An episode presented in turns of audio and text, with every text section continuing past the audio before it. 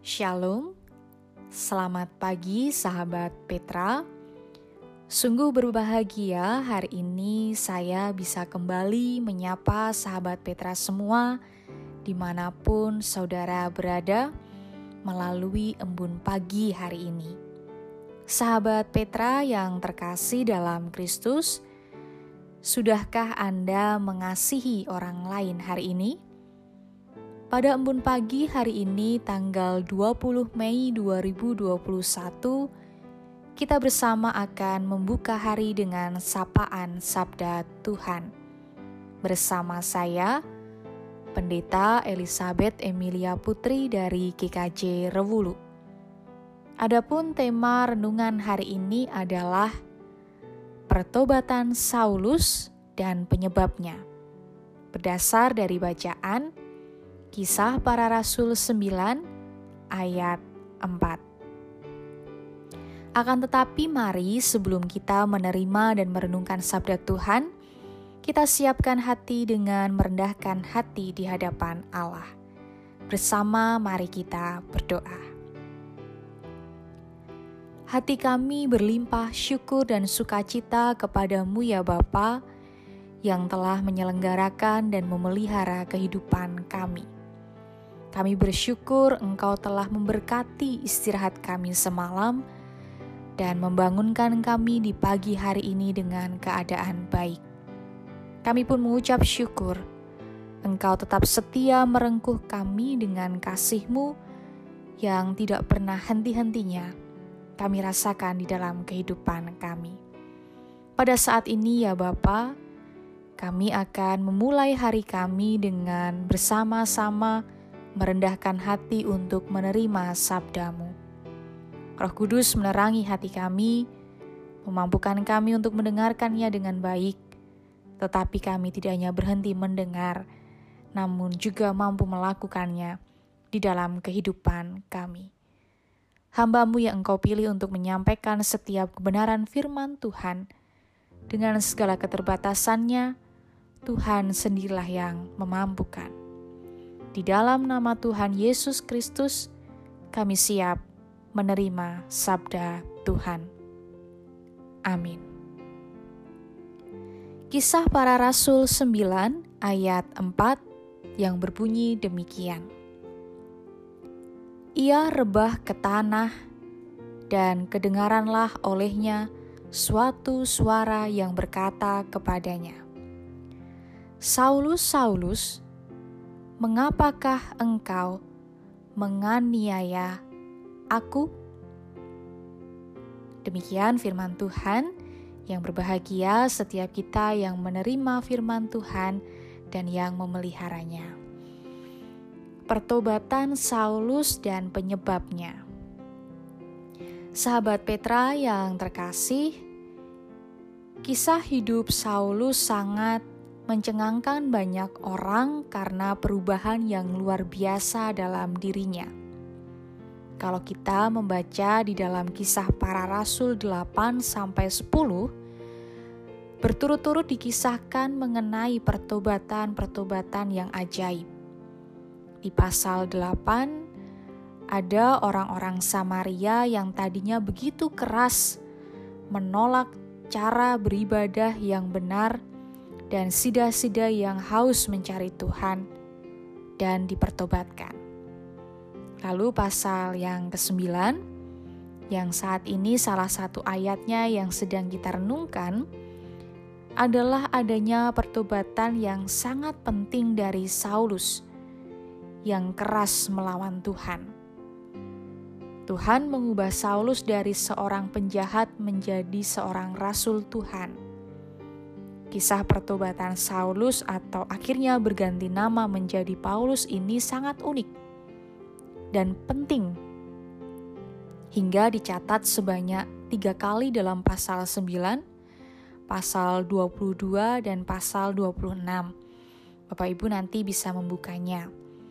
Setelah mengutus Filipus untuk memberitakan Injil, di dalam pasal 9 yang kita baca saat ini, Tuhan Yesus sendiri yang menyatakan diri untuk memberitakan Injil.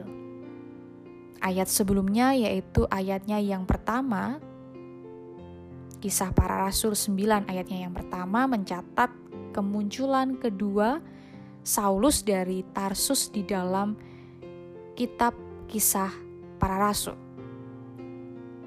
Dia hadir untuk menjaga pakaian orang-orang yang melempari Stefanus sampai mati dan menyetujui pembunuhan itu. Saulus menyebutkan bahwa dulunya dirinya sebagai seorang Farisi. Dia adalah seorang yang taat beragama Sejak mudanya ia menjalankan hukum Taurat dengan penuh kesungguhan dan tidak ada tanda-tanda kemunafikan dalam hidupnya.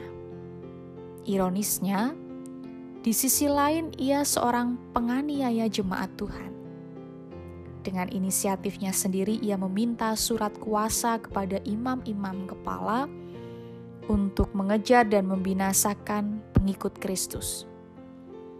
Saulus termasuk orang yang sangat giat dan begitu berpengaruh. Dia sangat giat untuk menyiksa murid-murid Kristus atau pengikut-pengikut Kristus dan sangat berpengaruh untuk memperoleh surat kuasa dari imam besar di Yerusalem pada saat itu. Surat kuasa ia diberikan untuk menyatakan mandat dari pemimpin Yahudi bagi Saulus. Sehingga kalau Saulus menangkap murid-murid Yesus di mana saja, orang-orang Romawi yang menjajah Israel dan sekitarnya dapat membiarkannya dan menganggap penangkapan ini sebagai urusan agama Yahudi. Orang-orang Yahudi diberikan kebebasan oleh orang-orang Romawi untuk mengadili dan menjatuhkan hukuman kepada sesama orang Yahudi di dalam hal-hal yang berkaitan dengan tradisi Yahudi. Dengan surat kuasa ini, Saulus berniat untuk menangkap orang-orang Yahudi yang menjadi murid Kristus dan menghadapkan mereka ke pengadilan agama Yahudi di Yerusalem.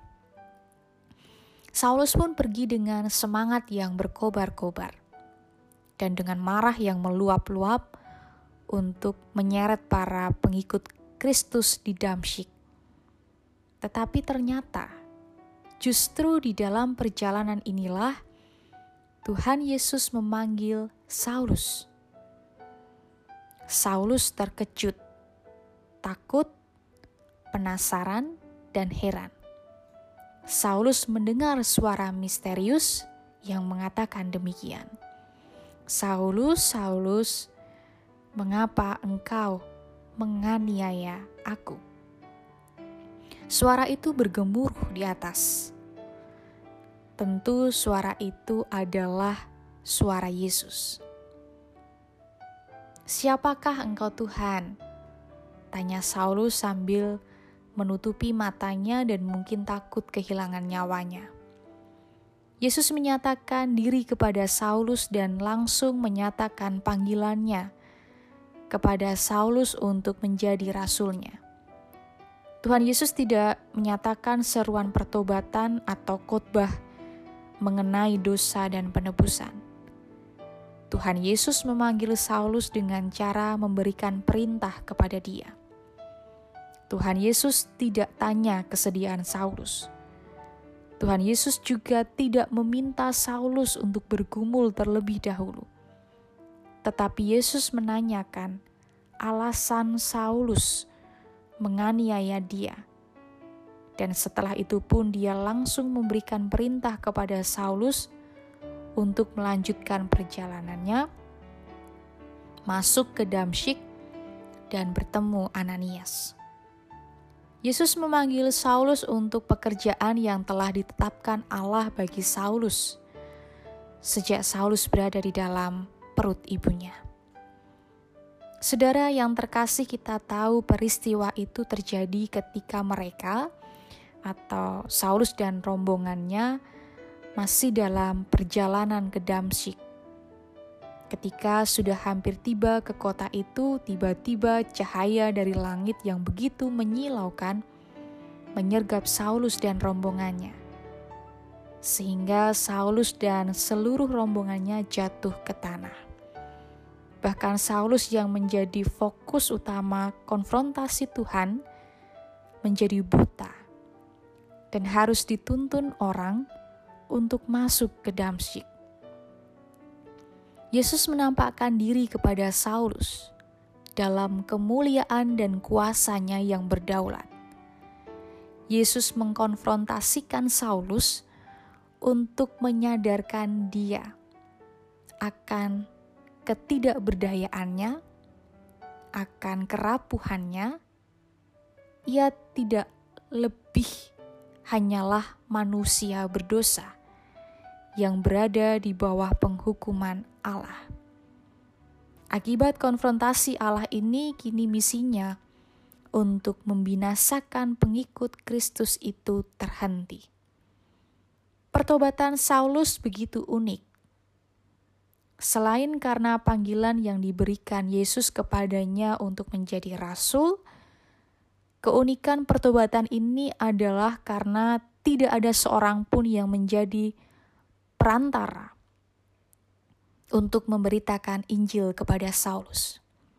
Yesus sendirilah yang menyatakan Injil kepada dia Yesus menyatakan dengan cara yang sangat luar biasa. Tuhan dengan kemuliaannya menyatakan diri dengan cara yang membuat Saulus langsung buta. Kemuliaan yang melampaui apa pun dari dunia ini membuat Saulus segera rebah ke tanah dan kekuatannya hilang dari tubuhnya.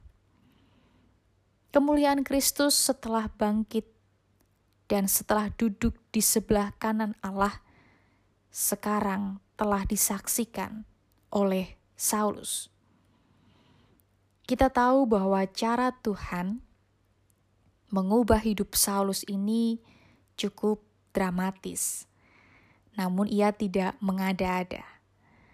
Saulus yang adalah penganiaya pengikut Yesus dan semangatnya membunuh pengikut Yesus baik perempuan maupun laki-laki, semua menjadi sasaran Paulus. Penyebabnya Saulus melakukan hal ini adalah karena kebencian. Kebencian Saulus yang menjadi-jadi kepada Yesus dan para pengikutnya. Sehingga ia sangat ingin menganiaya dan membunuh mereka. Namun di mana dalam peristiwa Tuhan menyapanya dalam sinar terang dan memperkenalkan dirinya sebagai Akulah Yesus yang kau aniaya itu, membuat penilaian Yesus berubah total. Apalagi setelah itu ia tidak bisa melihat dan tidak bisa makan dan minum selama tiga hari. Yesus menunjukkan kuasa dan kekuatannya yang tidak tertandingi. Dia tidak tinggal diam melihat pengikutnya menderita. Dia bukan Tuhan yang dapat dikalahkan oleh manusia, sehebat apa pun manusia tersebut. Bahkan selain itu, Yesus menunjukkan kepada Saulus dengan peristiwa buta yang ia alami bahwa Saulus tidak bisa hidup sendirian. Ia tetap membutuhkan pertolongan orang lain. Sahabat Petra yang terkasih, dalam peristiwa ini, ketika Yesus mengkonfrontasikan Saulus, membawa hal baru bagi Saulus, yaitu untuk menyadarkan dia akan ketidakberdayaannya. Dia manusia yang rapuh, dia tidak lebih hanyalah manusia berdosa. Berarti begitu juga dalam kehidupan kita. Kalau Tuhan mengkonfrontasi hidup kita, seharusnya menyadarkan akan kelemahan kita. Itu berarti Tuhan masih mengasihi kita. Seharusnya juga semakin menyadarkan kita bahwa Ia ingin supaya kita menghentikan segala perbuatan dosa kita. Dia masih menganugerahkan pada kita dengan tidak membiarkan kita semakin jatuh ke dalam dosa yang semakin dalam. Maka yang perlu kita lakukan adalah janganlah kita bersungut-sungut dan menganggap Tuhan tidak baik karena penderitaan atau tantangan yang sampai saat ini masih kita alami. Percayalah semua tantangan yang kita alami adalah untuk mendatangkan kebaikan bagi kita, membentuk kita semakin teguh di dalam iman. Dari kesadaran inilah membawa pertobatan pada diri Saulus, sehingga ia pun berani dan mau melanjutkan tugasnya sebagai rasul, seperti apa yang telah ditugaskan Yesus kepadanya. Ia pun menyadari bahwa Yesus sungguh mengenal dan mengasihinya. Ia menyapa dan menegur Saulus secara personal. Bukankah itu hal yang besar? Sesungguhnya, kalau kita menyadari, ia pun sangat mengenal dan mengasihi kita juga. Ia sering menyapa kita secara personal, tetapi terkadang kita tidak peka bahwa ia sedang menyapa kita.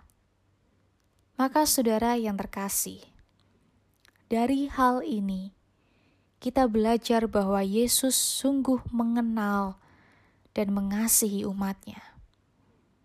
Bukalah hati kita dengan sapaannya dan mungkin konfrontasinya di dalam kehidupan kita.